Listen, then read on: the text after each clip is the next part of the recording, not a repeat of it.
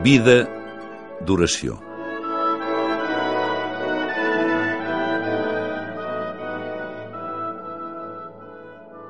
Sempre que sentim en el nostre cor desig de millorar, de respondre més generosament al Senyor, i cerquem una guia, un nord clar per la nostra existència cristiana, l'Esperit Sant ens du a la memòria les paraules de l'Evangeli.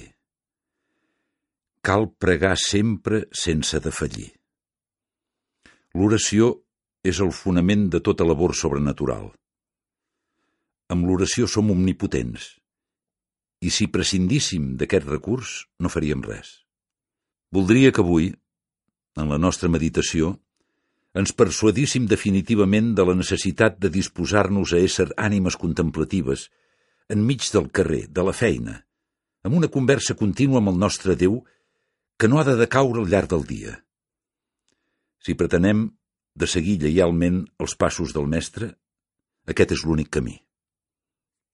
Girem la vista cap a Jesucrist, que és el nostre model, el mirall en què ens hem de mirar. Com es comporta, exteriorment també, en les grans ocasions. Què ens en diu el Sant Evangeli? Em commou aquesta disposició habitual de Crist, que acudeix al Pare abans dels grans miracles, i el seu exemple, en retirar-se 40 dies i 40 nits al desert abans de començar la seva vida pública per pregar. És molt important, perdoneu la insistència, d'observar els passos del Messies, perquè ell ha vingut a mostrar-nos el sender que condueix al Pare. Descobrirem, amb ell, com es pot donar relleu sobrenatural a les activitats aparentment més petites. Aprendrem a viure cada instant amb una vibració d'eternitat. I entendrem amb una major profunditat que la criatura necessita aquest temps de conversa íntima amb Déu, per tractar-lo, per invocar-lo i lloar-lo, per esclatar en accions de gràcies, per escoltar-lo o simplement per estar amb ell. Ja fa molts anys, tot considerant aquesta manera de fer del meu senyor, vaig arribar a la conclusió que l'apostolat, sigui quin sigui, és una sobreabundància de la vida interior. Per això em sembla tan natural i tan sobrenatural aquest passatge on es relata de quina manera Crist ha decidit d'escollir definitivament els primers dotze. Ens conta Sant Lluc que abans va vetllar tota la nit pregant. Vegeu-lo també a Betània, quan es disposa a ressuscitar Llàtzer un cop que havia plorat per l'amic. Alça els ulls al cel i exclama Pare, us dono gràcies perquè m'heu escoltat. Aquesta ha estat la seva ensenyança precisa. Si volem ajudar els altres, si pretenem sincerament d'empènyer-los perquè descobreixin el sentit autèntic del seu destí a la terra, ens cal fonamentar-nos en l'oració. Són tantes les escenes en què Jesucrist parla amb el Pare que resulta impossible d'aturar-nos en totes. Penso, tanmateix, que no podem deixar de considerar les hores tan intenses que precedeixen la seva passió i mort, quan es prepara per consumar el sacrifici que ens retornarà a l'amor diví. En la intimitat del cenacle, el seu cor es desborda. S'adreça suplicant al Pare, anuncia la vinguda de l'Esperit Sant, anima els seus a un continuat fervor de caritat i de fe. Aquest recolliment encès del Redemptor continua a Getsemaní, en percebre que la passió ja és imminent, amb les humiliacions i els dolors que s'acosten, aquella creu dura on són penjats els malfactors que ell ha desitjat ardentment. Pare, si ho voleu, allunyeu de mi aquest calze. I de seguida, però que no es faci la meva voluntat, sinó la vostra. Més endavant, clavat a la fusta, tot sol, amb els braços estesos amb un gest de sacerdot etern, manté el mateix diàleg amb el pare. En les vostres mans encomano el meu esperit. Contemplem, ara, la seva mare beneïda, mare nostra també. El Calvari, al costat del patíbul, prega. No és una actitud nova de Maria. Sempre s'ha conduït així, complint els seus deures, ocupant-se de la llar. Mentre estaven les coses de la terra, restava pendent de Déu. Crist, perfectus Deus, perfectus homo, també volgué que la seva mare, la criatura més excelsa, la plena de gràcia, ens confirmés en aquest afany d'alçar sempre els ulls a l'amor diví. Recordeu l'escena de l'Anunciació. Baixa l'arcàngel per comunicar la divina ambaixada, l'anunci que seria Mare de Déu, i la troba retirada en oració. Maria està enterament recollida en el Senyor, quan Sant Gabriel la saluda.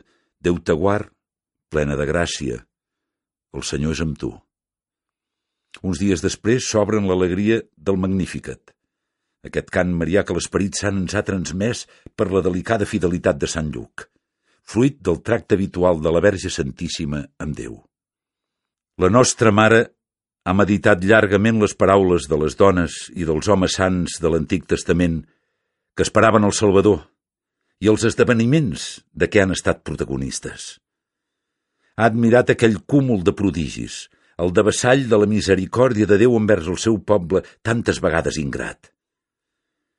En considerar aquesta tendresa del cel, incessantment renovada, brolla l'efecte del seu cor immaculat. La meva ànima glorifica el Senyor i el meu esperit celebra el Déu Salvador meu, perquè ha mirat la petitesa de la seva serventa.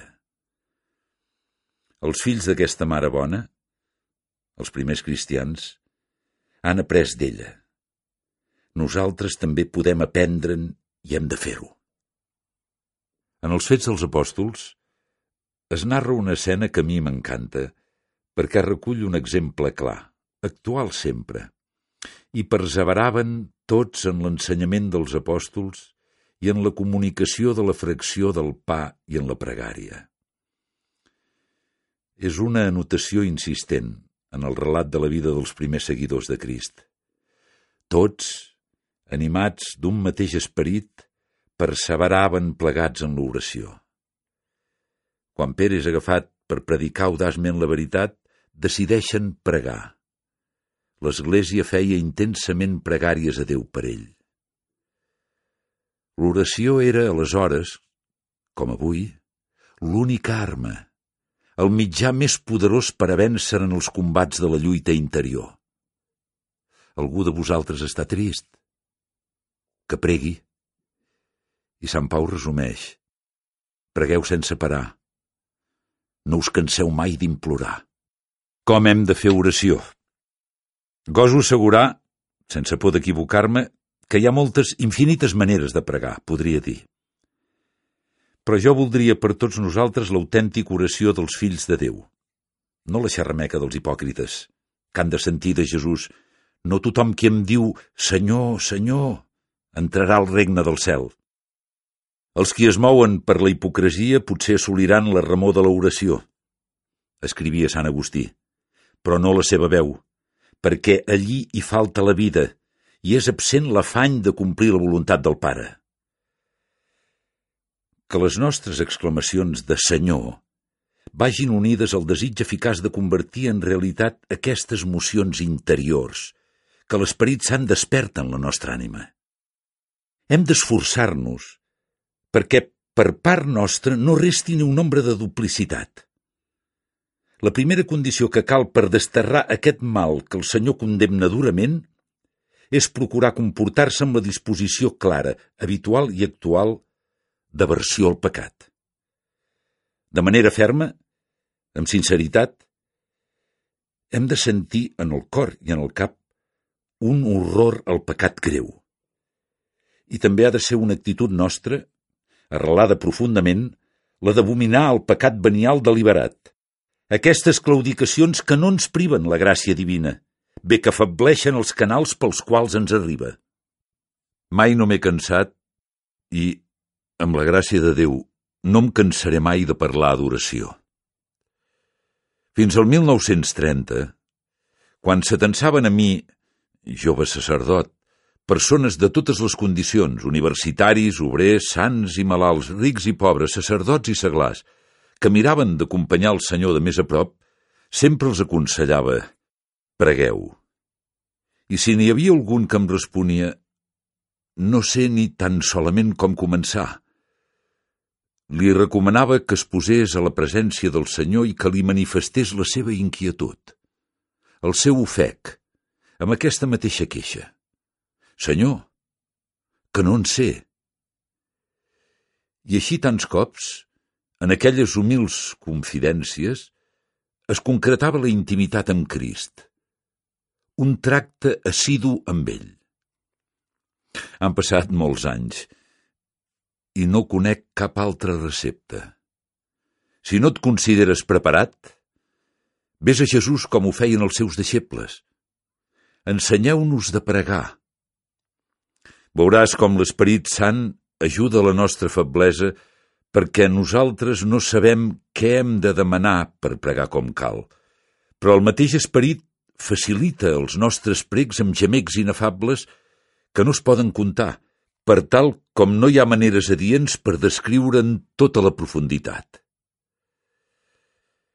Quina fermesa que ens ha de donar la paraula divina. No m'he inventat res. Quan, al llarg del meu ministeri sacerdotal, he repetit i repeteixo incansablement aquest consell.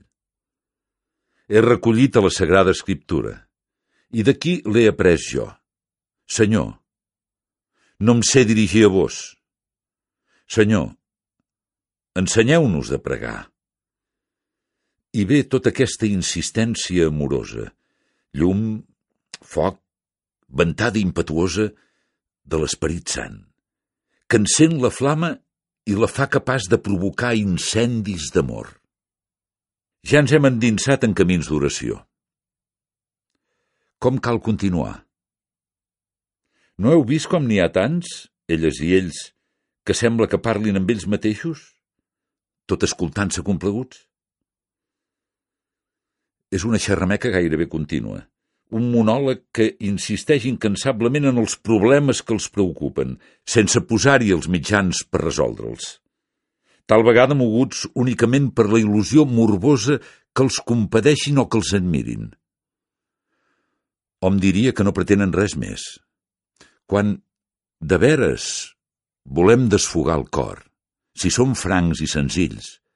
Cercarem el consell de les persones que ens estimen, que ens entenen. Conversem amb el pare, amb la mare, amb la muller, amb el marit, amb el germà, amb l'amic. Això ja és un diàleg, encara que sovint no desitgem tant sentir com esplaiar-nos, contar el que ens passa.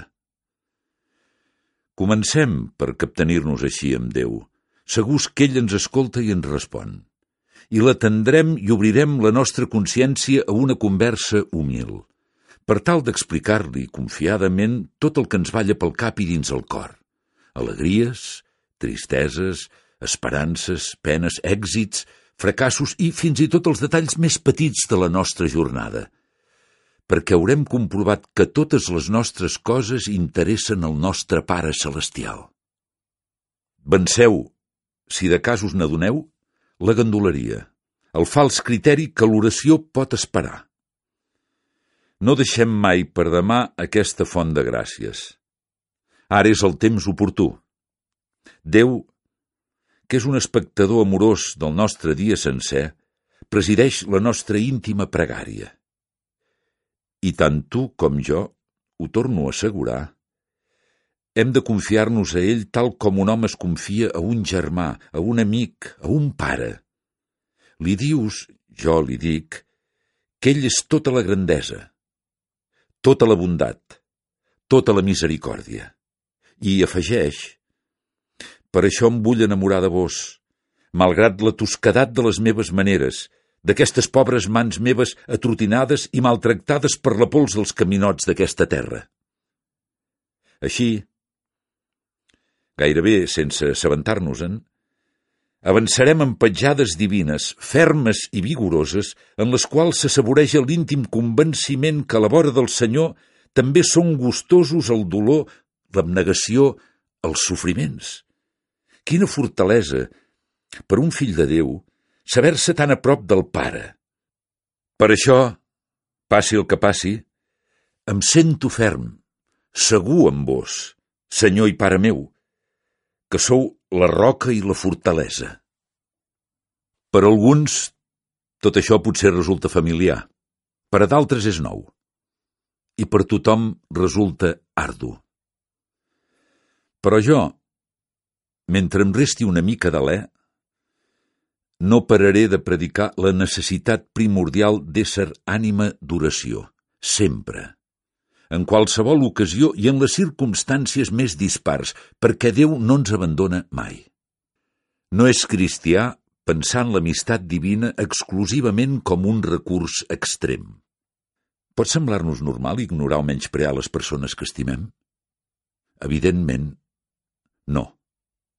Són constantment per aquells qui estimem les paraules, els desig, els pensaments. Hi ha com una presència contínua, així mateix, doncs, amb Déu. Amb aquesta recerca del Senyor, tota la nostra jornada es converteix en una conversa sola, íntima i confiada.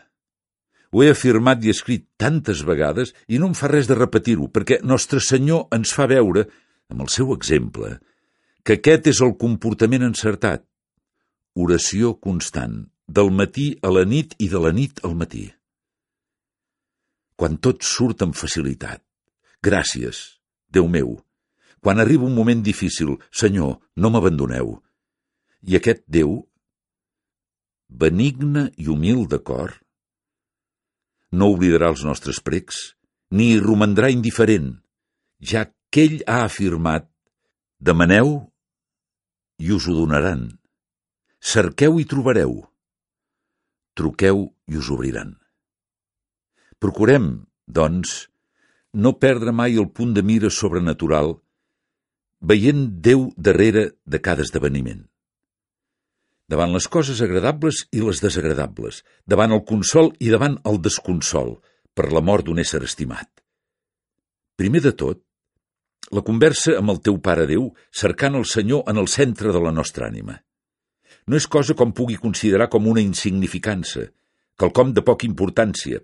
És una manifestació clara de vida interior constant, d'autèntic diàleg d'amor.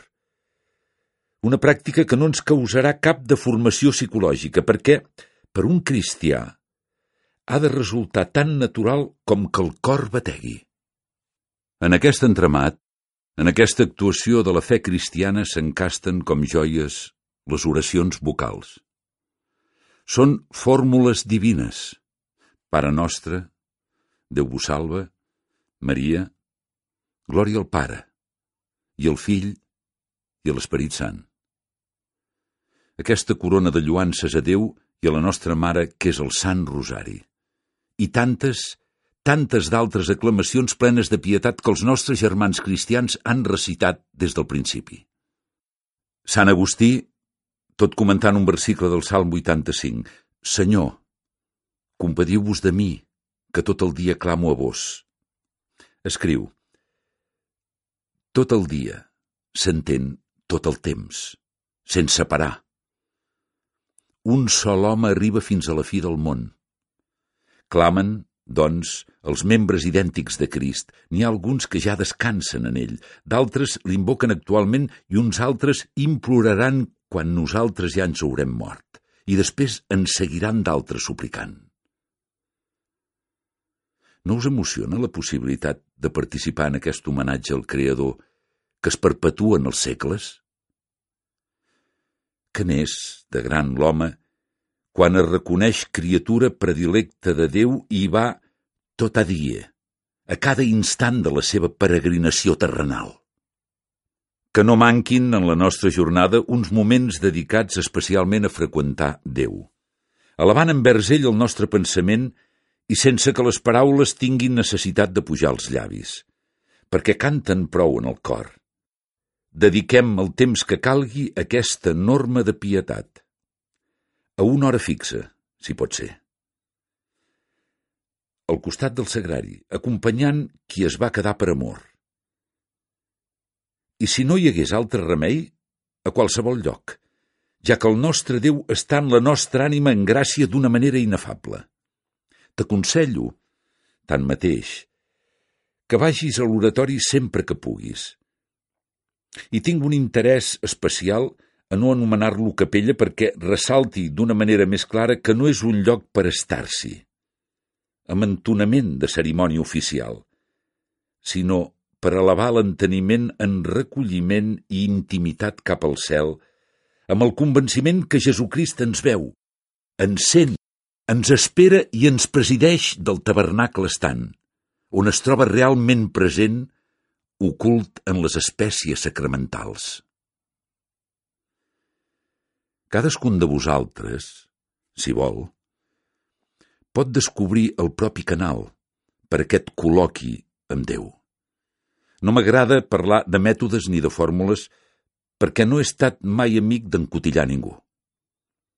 He mirat d'animar tothom a acostar-se al Senyor respectant cada ànima tal com és, amb les seves pròpies característiques. Demaneu-li que penetri els seus designis en la nostra vida, no solament al cap, sinó dins l'entranya del cor i en tota la nostra activitat externa.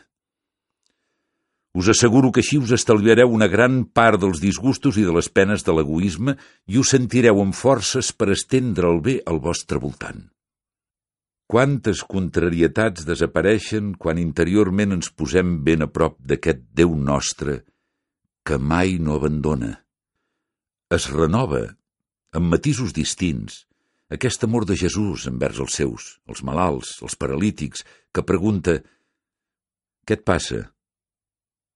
Em passa i, de seguida, llum, o si més no, acceptació i pau. En invitar-te aquestes confidències amb el mestre, em refereixo especialment a les teves dificultats personals – perquè la majoria dels obstacles per a la nostra felicitat neixen d'una supèrbia més o menys oculta.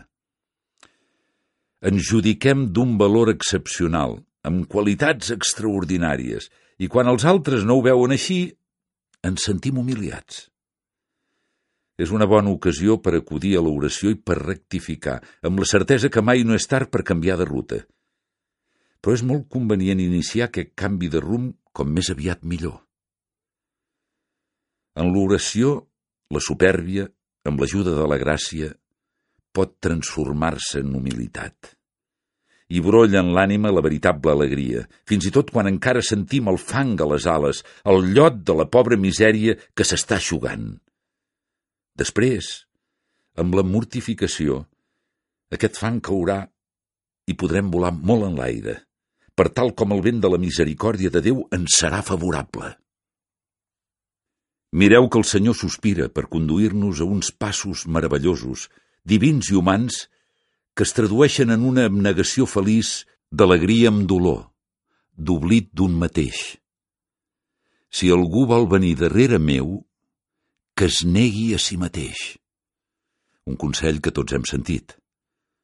Ens hem de decidir a seguir-lo d'acord.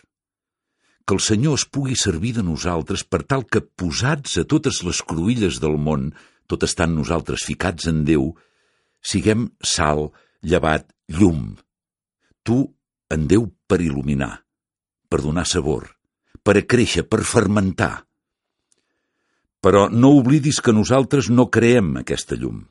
Únicament la reflectim.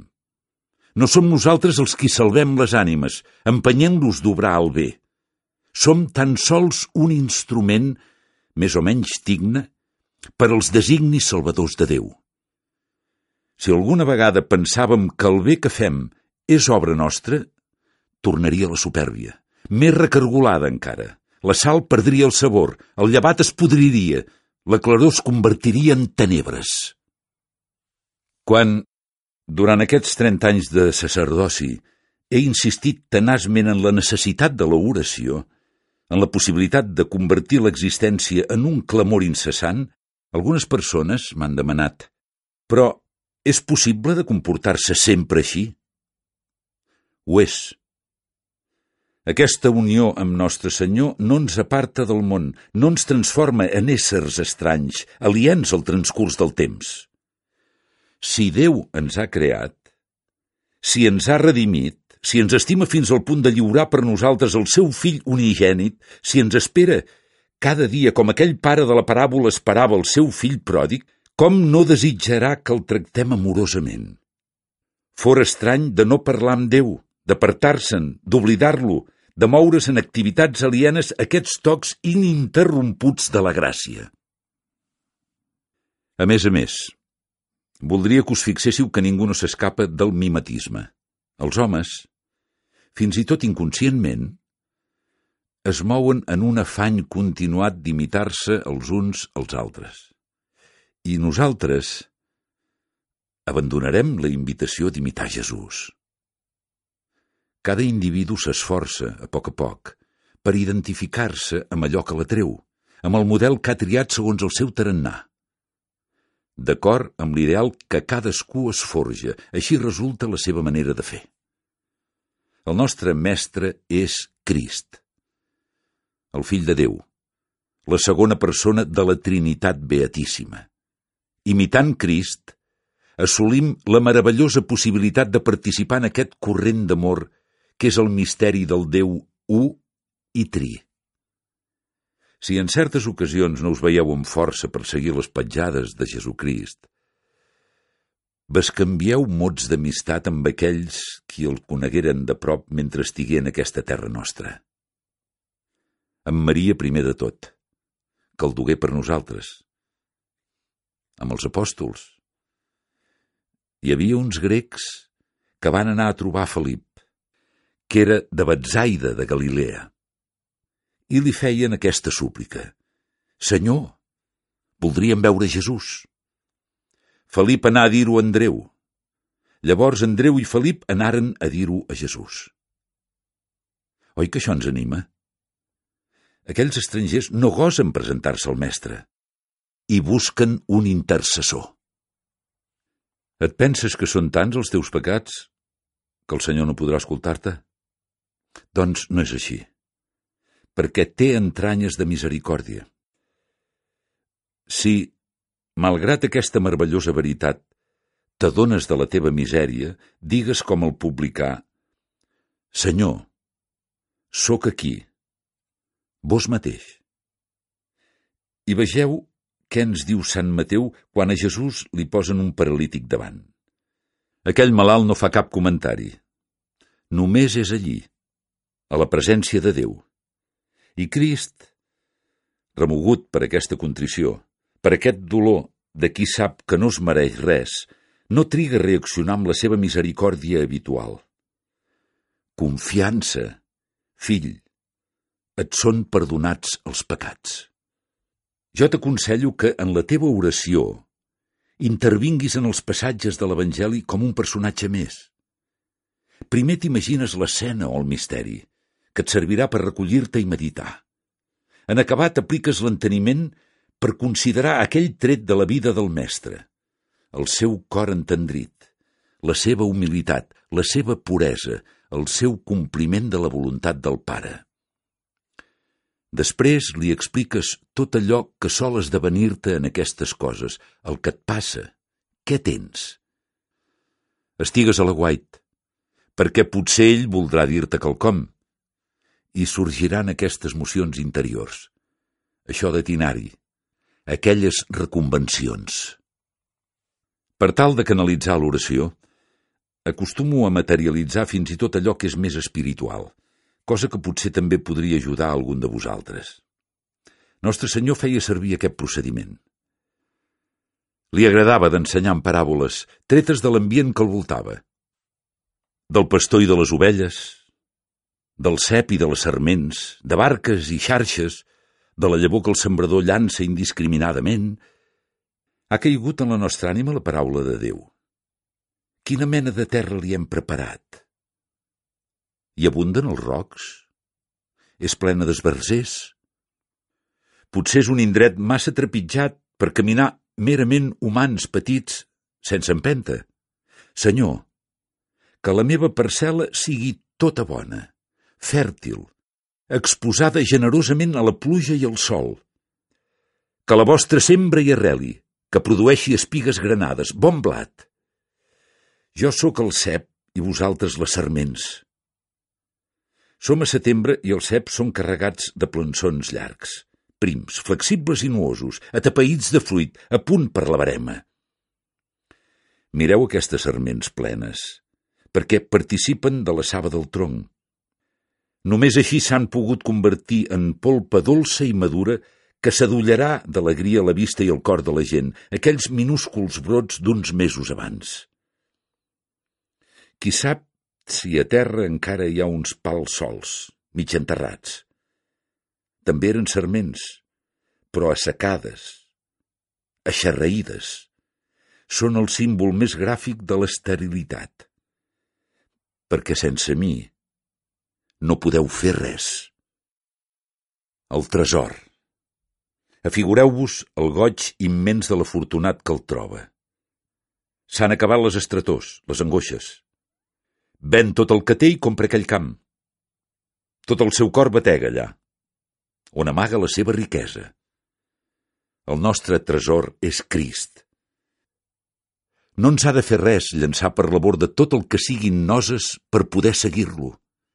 I la barca, sense aquest llast inútil, navegarà de dret cap al port segur de l'amor de Déu. Hi ha mil maneres de pregar. Us ho torno a dir. Als fills de Déu no els cal cap mètode, quadriculat i artificial, per adreçar-se al Pare. L'amor és inventiu, enginyós. Si estimem, sabrem descobrir camins personals, íntims, que ens menin aquest diàleg continuat amb el Senyor. Déu vulgui que tot el que hem contemplat avui no travessi damunt la nostra ànima com una tamborinada d'estiu. Quatre gotes després el sol i l'aixut una altra vegada. Aquesta aigua de Déu s'ha de tornar a encalmar, ha d'arribar a les arrels i donar fruit de virtuts. Així passaran els nostres anys, dies de treball i duració, en la presència del Pare. Si defallim, acudirem a l'amor de Santa Maria, mestra d'oració, i a Sant Josep, Pare i Senyor nostre, que venerem tant, el qual és la persona que ha tractat més íntimament la Mare de Déu en aquest món i, després de Santa Maria, el seu fill diví. I ells presentaran la nostra debilitat a Jesús perquè la converteixi en fortalesa.